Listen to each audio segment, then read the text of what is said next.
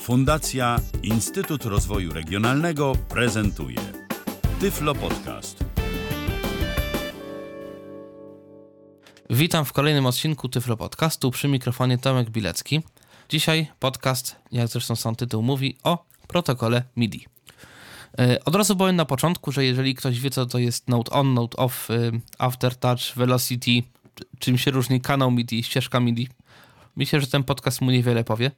Ale jeżeli komuś te nazwy nie mówią nic, bądź MIDI komuś się kojarzy tylko z kiepskiej jakości podkładami w internecie, albo też z y, starymi dzwonkami wygrywanymi do komórek, no to warto y, może, żeby temu podcastowi się bliżej przyjrzał, zwłaszcza w momencie, gdy chce sobie tworzyć jakąś muzykę, bo tej grupie ten i podejrzewam kilka następnych podcastów będzie dedykowanych. Dobrze, może najpierw zacznijmy sobie od historii MIDI. MIDI jest protokołem stworzonym w pierwszej połowie lat y, 80. przez kilka korporacji, kilka firm tworzących ówcześnie syntezatory. Zresztą najczęściej w tym czasie też można znaleźć takie nazwy jak Roland, jak Korg, jak Yamaha i protokół, jak został wymyślony nieco ponad 30 lat temu, to do tej pory dzielnie służy i mimo tego, że są powoli podejmowane prace nad wersją HD, czyli poniekąd 2.0 MIDI, no to tak naprawdę mm, nie ma tutaj takiej presji jak na przykład w przypadku protokołu IPv6, gdzie nagle się okazało, że IPv4 już y, zbliża się ku końcowi swojemu i nagle są y, problemy z przydzielaniem nowych adresów. Y, Tak naprawdę, mimo tego, że technologia się posuwa do przodu, mimo tego, że powstają coraz to nowe syntezatory, nadal wersja tego protokołu sprzed lat 30 paru spokojnie, w większości wypadków wystarcza. I co to jest tak naprawdę protokół MIDI? Protokół MIDI to jest właśnie sposób komunikowania się syntezatora z syntezatorem, tudzież syntezatora y, w dzisiejszych czasach z komputerem. I protokół ten nie wysyła audio jako takiego, tylko zajmuje się wysyłaniem tego, co użytkownik w tej chwili naciska, czym kręci, w jaki sposób i jak szybko. Co dokładnie MIDI oferuje? No przede wszystkim MIDI oferuje informacje o tym, jaki klawisz został wciśnięty. Przy czym wszystkie komunikaty y, w MIDI mają wartości numeryczne, najczęściej ich jest 128, co wynika po prostu ze specyfikacji jakby protokołu, w którym to jest wszystko zrobione i również ze specyfikacji ówczesnych procesorów, które no nie miały siłą rzeczy takiej wydajności, jak mają dzisiejsze. Trzeba to było zrobić tak, żeby standardowo używany wtedy procesor y, no takie MIDI ogarnął w cudzysłowie. W związku z tym mamy numer nuty, który został przez użytkownika wywołany od 0 do 128.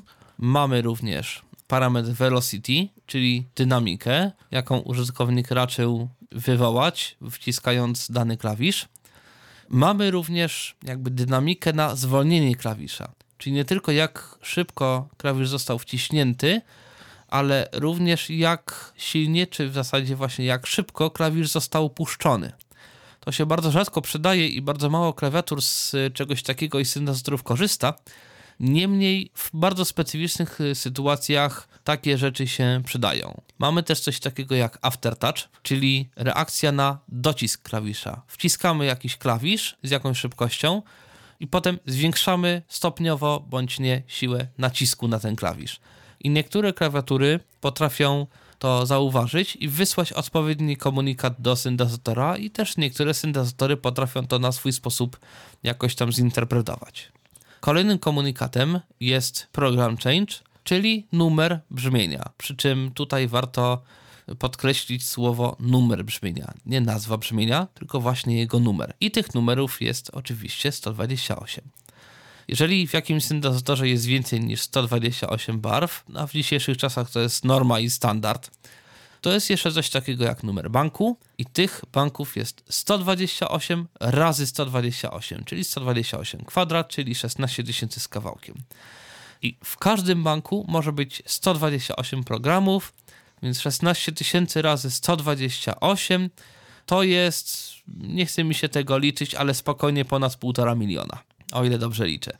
Związku z powyższym, żeby zapełnić półtora miliona brzmień i je potem przejrzeć, to trzeba być naprawdę hardcorem. Oczywiście 128 komunikatów typu control change. Każdy z nich ma 128 wartości. I te komunikaty control change zajmują się parametrami innymi, na przykład głośnością, na przykład balansem, na przykład włączeniem jakichś efektów mm, i tak dalej, i tak dalej. Czyli kręcąc pokrętełkami w syntezatorze, które, tam zmieniają różne rzeczy, jakieś filtry, jakieś e, pogłosy, jakieś e, dodawanie efektów i tak dalej, i tak dalej. Mm, te kontrolery i te pokrętełka i te suwaki, przyciski mogą właśnie wysyłać jeden ze 128 parametrów i każdy z nich ma 128 wartości. I to wszystko nie ma żadnych nazw, tylko są po prostu numerki przesyłane przez MIDI. Jednak gdyby tego wszystkiego było mało, mm, a jest mało, jest jeszcze kilka takich kontrolerów specjalnych, y, to się nazywa RPN Messages i NRPN Messages. Mm, chodzi o to, że Dwa z tych e, komunikatów typu control change służą określenia numeru jakiegoś komunikatu, a kolejne z tych dwóch control change służy określeniu wartości.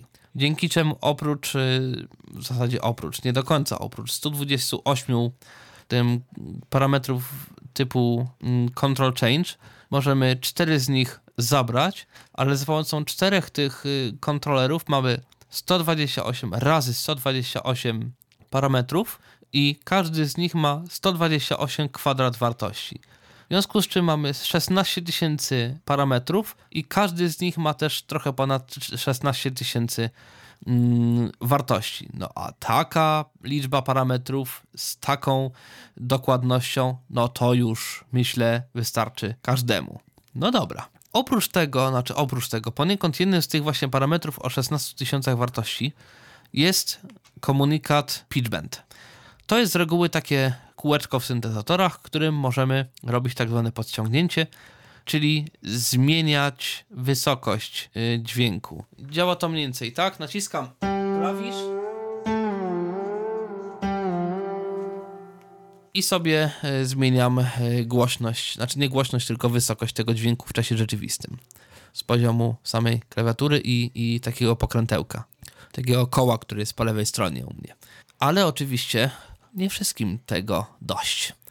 Ponieważ e, w związku z tym, że syntezatory w drugiej połowie, zwłaszcza lat 80., a już o latach 90. to nie ma co wspominać, bo to już jest normalne zaczęły być zasadniczo cyfrowe. A jeżeli coś jest cyfrowe, jeżeli działa tylko domenie w cyfrowej, no to pewnie ma jakiś system operacyjny. A jeżeli ma jakiś system operacyjny, to prawdopodobnie z różnych przyczyn producent zechce wysłać update systemu operacyjnego, w którym są na przykład nowe barwy. jak tu wysłać nową barwę, albo nowe polecenie system, albo nowy system operacyjny, mając tylko jakieś parametry i jakieś ich wartości. Niech ich będzie nawet 16 tysięcy, no to trzeba by jakoś dziwnie pisać te systemy. Dlatego jest jeszcze coś takiego, co się nazywa System Exclusive. I System Exclusive to jest coś w rodzaju wolność Tomku w swoim domku. To znaczy, mamy komunikat początkowy, mamy komunikat końcowy, a co się dzieje między tymi dwoma komunikatami, to już niech sobie deweloper, producent robi co chce i ile chce. I to są po prostu wysyłane szesnastkowo dowolne komunikaty w ilości dowolnej. Więc może to być wysłane tak naprawdę cokolwiek. Barwy, ak aktualizacja systemu, jakieś napisy, jakieś nie wiem co, jakieś yy, przestrajanie, nie wiem, krewatury, no cokolwiek tak naprawdę, co y, trudno jest zapisać jako po prostu szereg y, komunikatów, które mają szereg jakichś tam y, różnych konkretnych wartości. I to jest wykorzystywane dzisiaj na potęgę. I to tak byłoby mniej więcej tyle, jeżeli chodzi o MIDI. Oczywiście są jeszcze komunikaty MMC, czyli komunikaty odpowiedzialne za, za tak zwane przyciski transportu, play, stop, pauza. Y, jest jeszcze MTC, czyli MIDI timecode, czyli mm, coś takiego, że MIDI sobie wysyła powiedzmy co jakąś tam, załóżmy co tak zwaną klatkę, czyli co jedną 25 sekundy y, aktualny jakby czas, tylko niekoniecznie czas data dzisiejsza i dzisiejszy czas, tylko po prostu czas od zera do jakiejś wartości. Coś w rodzaju takiego metronomu, czy może bardziej dyrygenta dla urządzeń. Y, chodzi o synchronizację na przykład pomiędzy urządzeniem audio i urządzeniem wideo, ponieważ mimo tego, że żyjemy w świecie techniki cyfrowej i zegary cyfrowe raczej się nie rozjeżdżają, niemniej przy na przykład nagraniu dwu lub trzygodzinnym często się zdarza, że na początku wszystko jest ok, ale nagranie z kamery trwa o pół sekundy dłużej niż nagranie z powiedzmy urządzenia rejestrującego audio. Yy, no i nagle jest problem, co z tym zrobić, no bo po prostu to się, to się coraz bardziej rozjeżdża. I po to można synchronizować właśnie po MIDI przez ten tak zwany MIDI timecode yy, różne urządzenia audio, wideo, bądź dwa urządzenia audio, po prostu, żeby wszystko zaczęło i skończyło nagrywać dokładnie w tym samym momencie. Tyle jeżeli chodzi o komunikaty MIDI, ale jest jedna bardzo ważna rzecz i ten fragment zalecam wysłuchać ze szczególną uwagą. Sprawa będzie się tyczyć czegoś, co się nazywa kanały MIDI, ponieważ wszystkie te komunikaty, yy, może po, nie wiem czy nie poza system exclusive, ale dotyczące yy, nut, dotyczące program change, control change, bank change i tak dalej, są wysyłane na jeden z 16 kanałów MIDI. Zwłaszcza dzisiejsze syntezatory z reguły mają tak, że mogą od, jakby grać więcej niż jedną barwą naraz. W związku z tym trzeba powiedzieć, co ma grać fortepian, a co ma grać gitara, a co ma grać na, na przykład perkusja. Na każdym z tych kanałów jest ustawiona inna barwa i grane są inne dźwięki. I dzięki temu można grać przy pomocy jakby jednej transmisji MIDI na 16 naraz instrumentach, z których każdy może grać co innego, mieć e, ustawione każdy ze 128 tych parametrów zupełnie inaczej. Yy, może mieć, nie wiem, pitch bend ustawiony zupełnie inaczej i tak dalej, i tak dalej. Dobra, wszystko fajnie. Nagrywam sobie w takim razie podkład na jakimś syntezatorze, idę do znajomego, yy, chcę mu pokazać ten podkład na jego syntezatorze, puszczam i jest problem. Jest problem, przynajmniej był do początku lat 90., do kiedy nie wymyślono czegoś takiego, co się nazywa General MIDI. A problem polegał na tym, dyskietki oczywiście już yy, wówczas były, niektóre syntezatory umiały nawet wgrać sobie taki podkład MIDI na dyskietkę.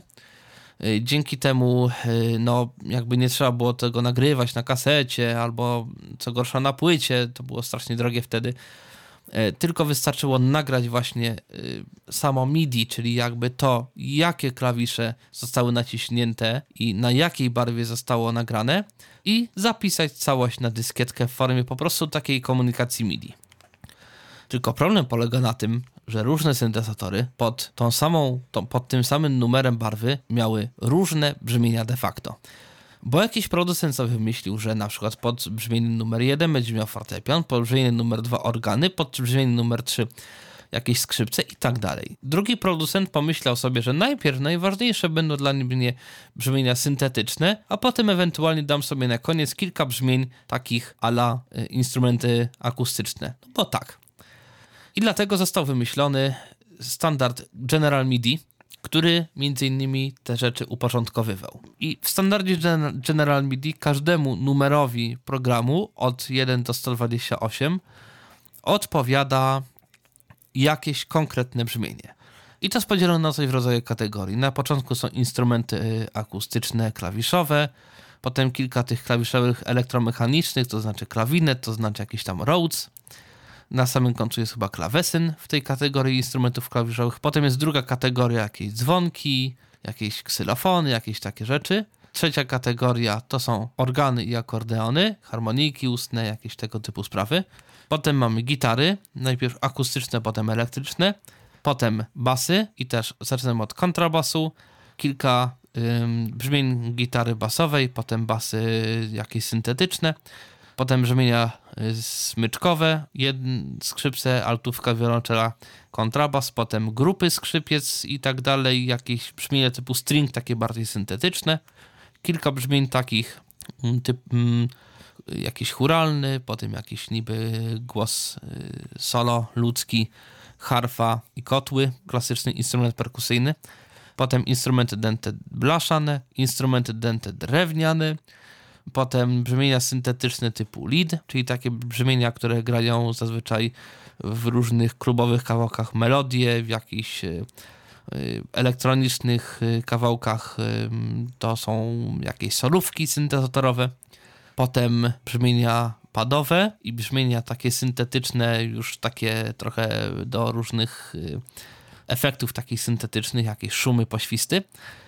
Dalej instrumenty etniczne, instrumenty perkusyjne, jakieś bębny, mm, jakiś e, tak zwany steel pan, jakieś, jakieś talerze i tak dalej. I ostatni bank FX, czyli różne brzmienia telefonu, wystrzału z pistoletu, jakichś oklasków, jakichś tego typu rzeczy.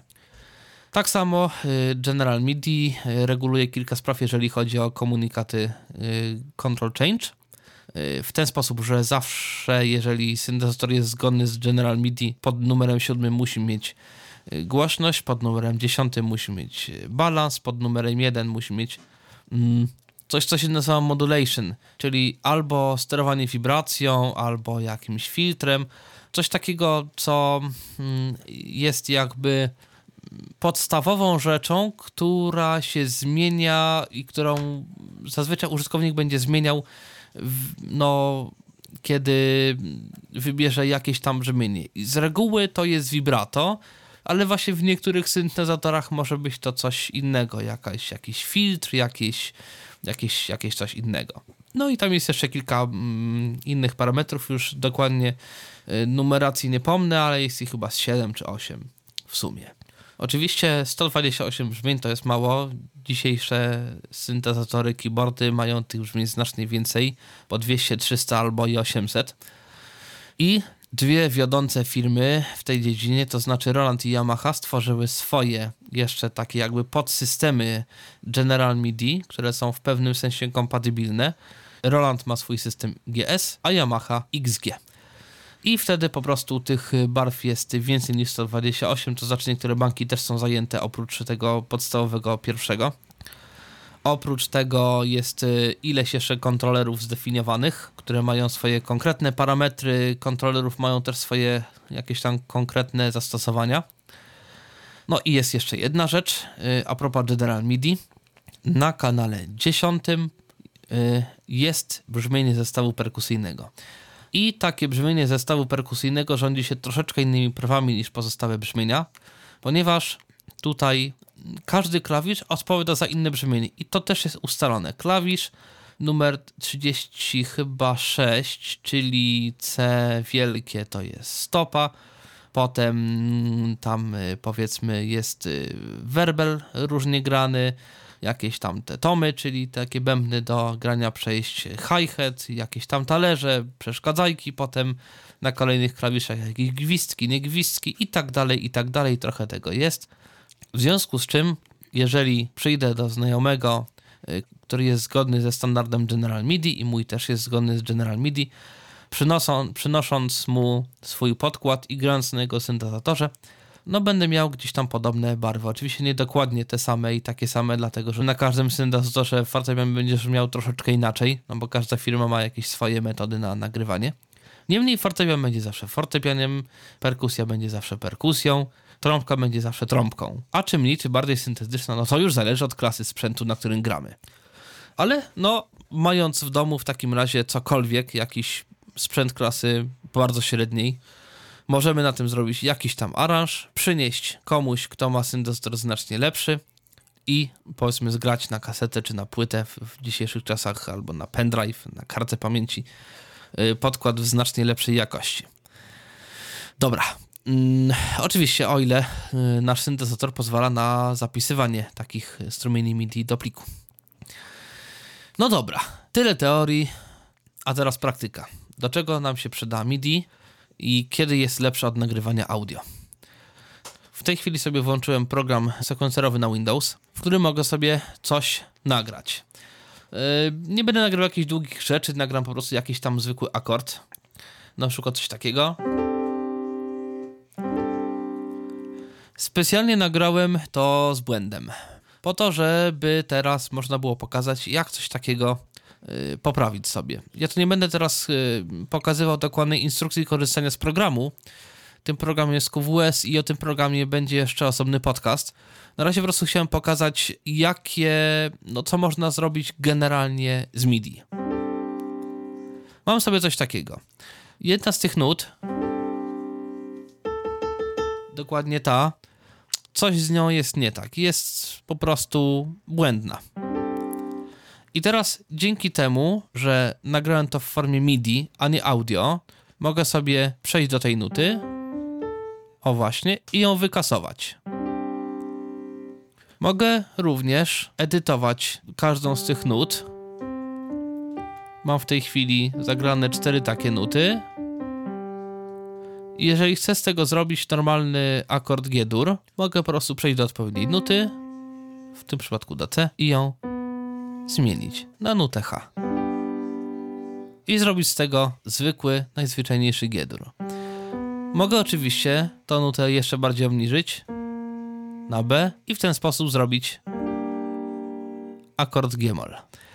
Y, mogę oczywiście całość y, nagrania zwolnić i to zwolnić bez jakichkolwiek artefaktów dźwiękowych, dlatego że to jest nadal wszystko operowanie na danych MIDI, czyli jakby program wysyła do syntezatora tylko informacje, które klawisze i kiedy wcisnąłem, tudzież jakie pokrętła yy, wcisnąłem.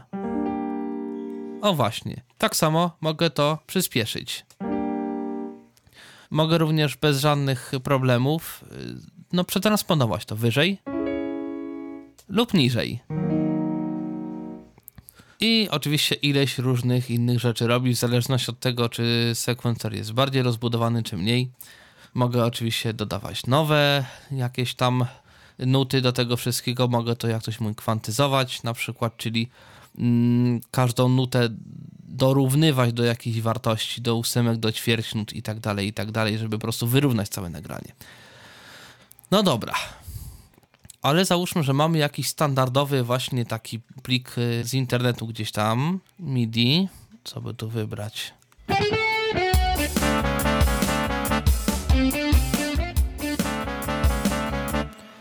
I tak dalej, i tak dalej. Abstrahując jakby od, od tego, jak on został źle lub dobrze zrobiony, ale mamy sobie podkład w MIDI. No i tak samo. Mogę ten utwór zwolnić.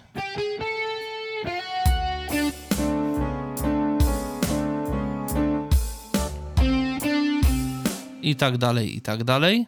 Albo na przykład mogę to przyspieszyć na tej samej zasadzie.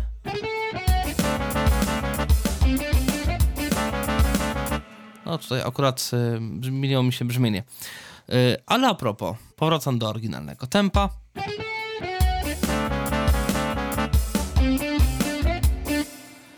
Mogę sobie oczywiście również przetransponować ten utwór w ten sposób.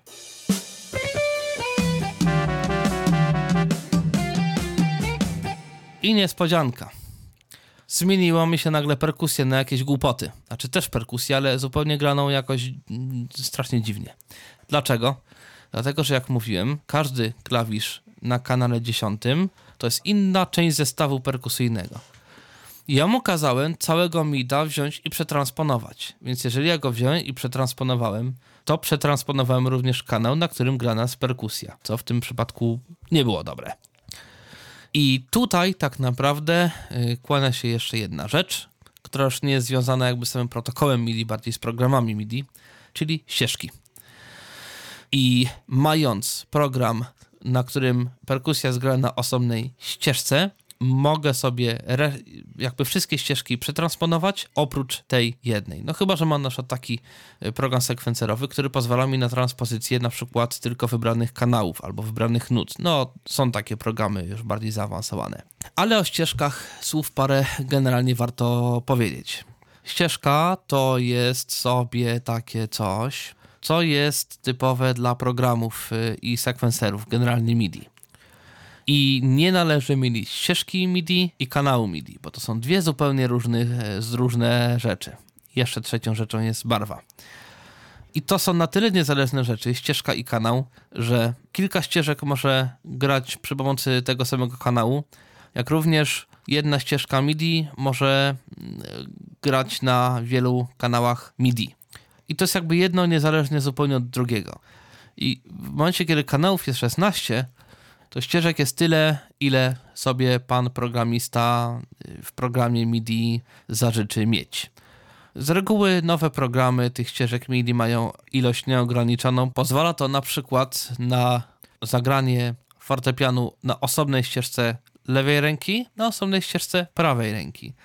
I mimo tego, że mm, jakby to jest wszystko grane ciągle na tej samej próbce fortepianu, no to jest to jakby i na tym samym kanale, to to są dwie ścieżki, po to, żeby po prostu móc z poziomu samego programu potem łatwiej to zarządzać. Ja teraz sobie załaduję taki plik, który ma ileś ścieżek i mam tu właśnie załadowany plik, który ma ileś ścieżek.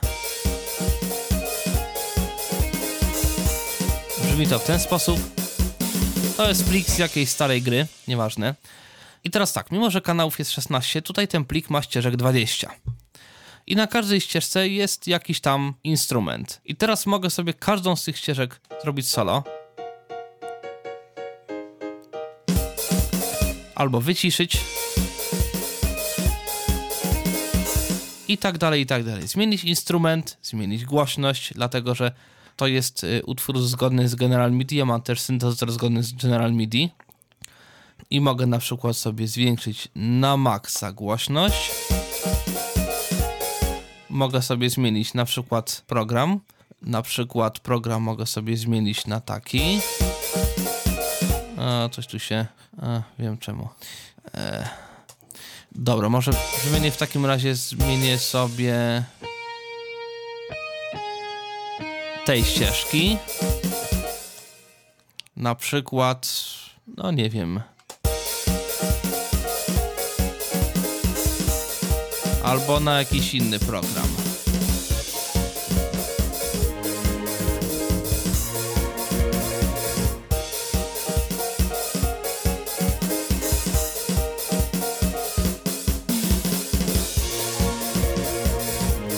I tak dalej, i tak dalej. W związku z tym mogę jakby mając po prostu syntezator jakiś tam sprzętowy i mając komputer, mm, mogę sobie całkiem fajnie zmieniać różne rzeczy z różnych y, plików MIDI. Co jeszcze można zrobić dzięki y, MIDI? To zwłaszcza y, tutaj nam, osobom niewidomym, to się może przydać. Mamy jakiś utwór, którego chcielibyśmy się nauczyć na pamięć i mamy go w wersji MIDI. Powiedzmy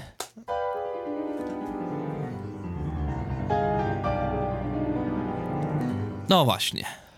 I chcę wiedzieć, co w zasadzie ten pan tutaj gra. Mogę to oczywiście zwolnić. Akurat tutaj będzie problem ze zmianą tempa, dlatego że e, o tym też zapomniałem powiedzieć, że mm, jeżeli chodzi o ustawienie tempa, takie coś też e, zakłada specyfikacja MIDI.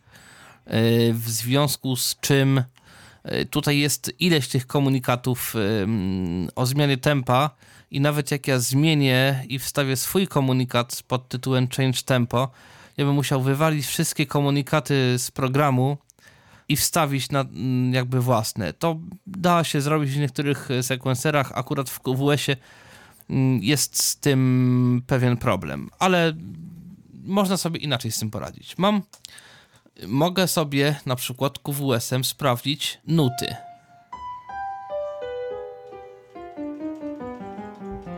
Naciskam klawisz i za każdym naciśnięciem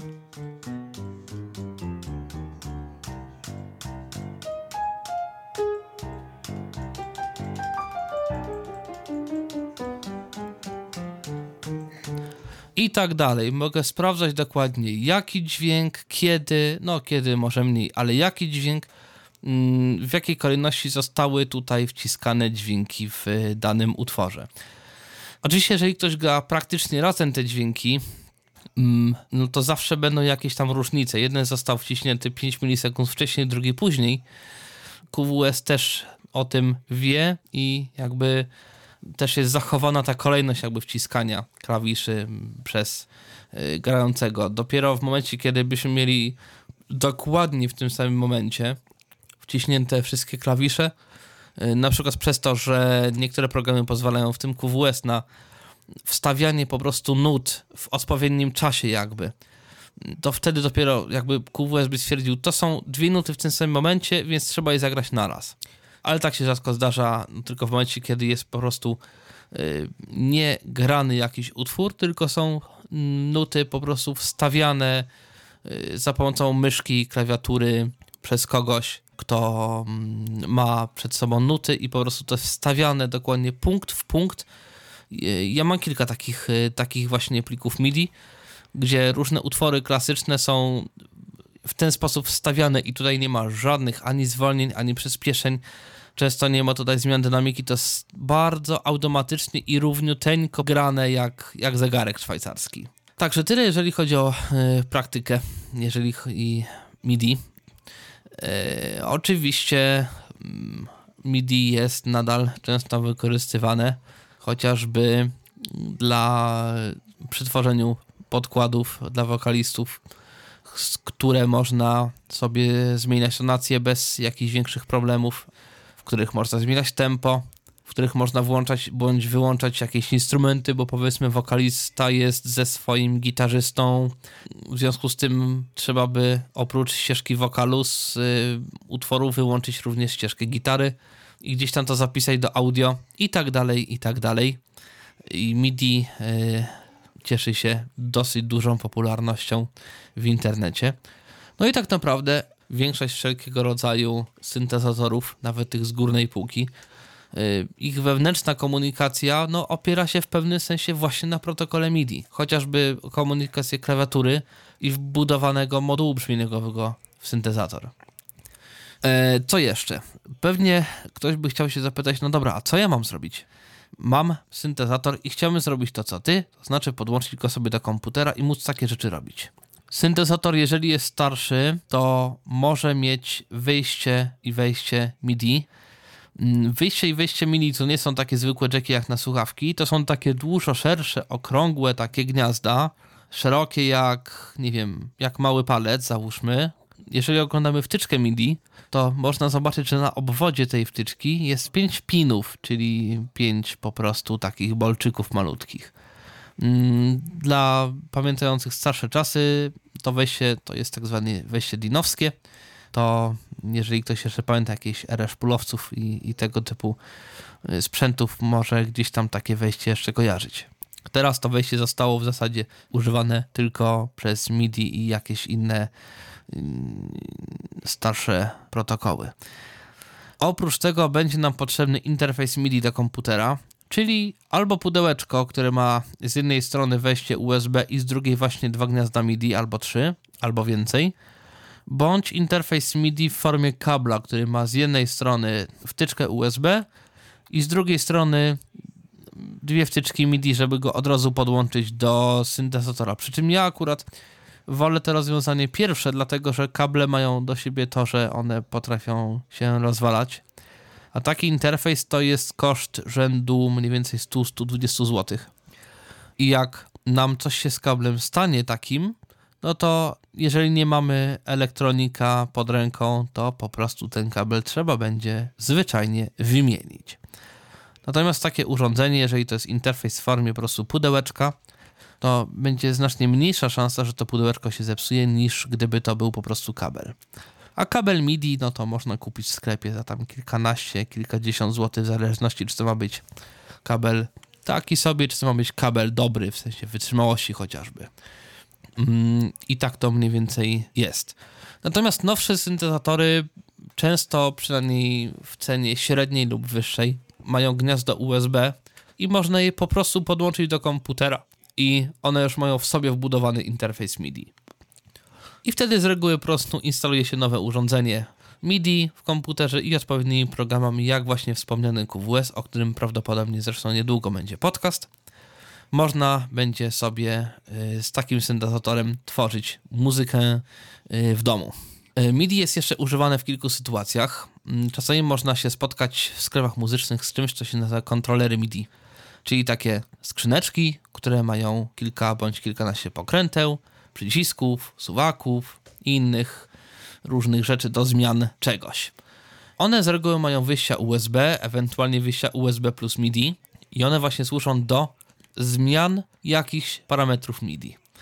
E, tego się używa na przykład przy długiej pracy z programami typu DAW, czyli programami typu Reaper, bądź Cubase, bądź Sonar, bądź Pro Tools, czy, czy Cubase, czy, czy, czy jeszcze tam tego typu programy do na przykład y, regulacji głośności, czy balansu, czy sterowania innymi funkcjami dotyczącymi konkretnych ścieżek, po prostu dlatego, żeby to było szybciej.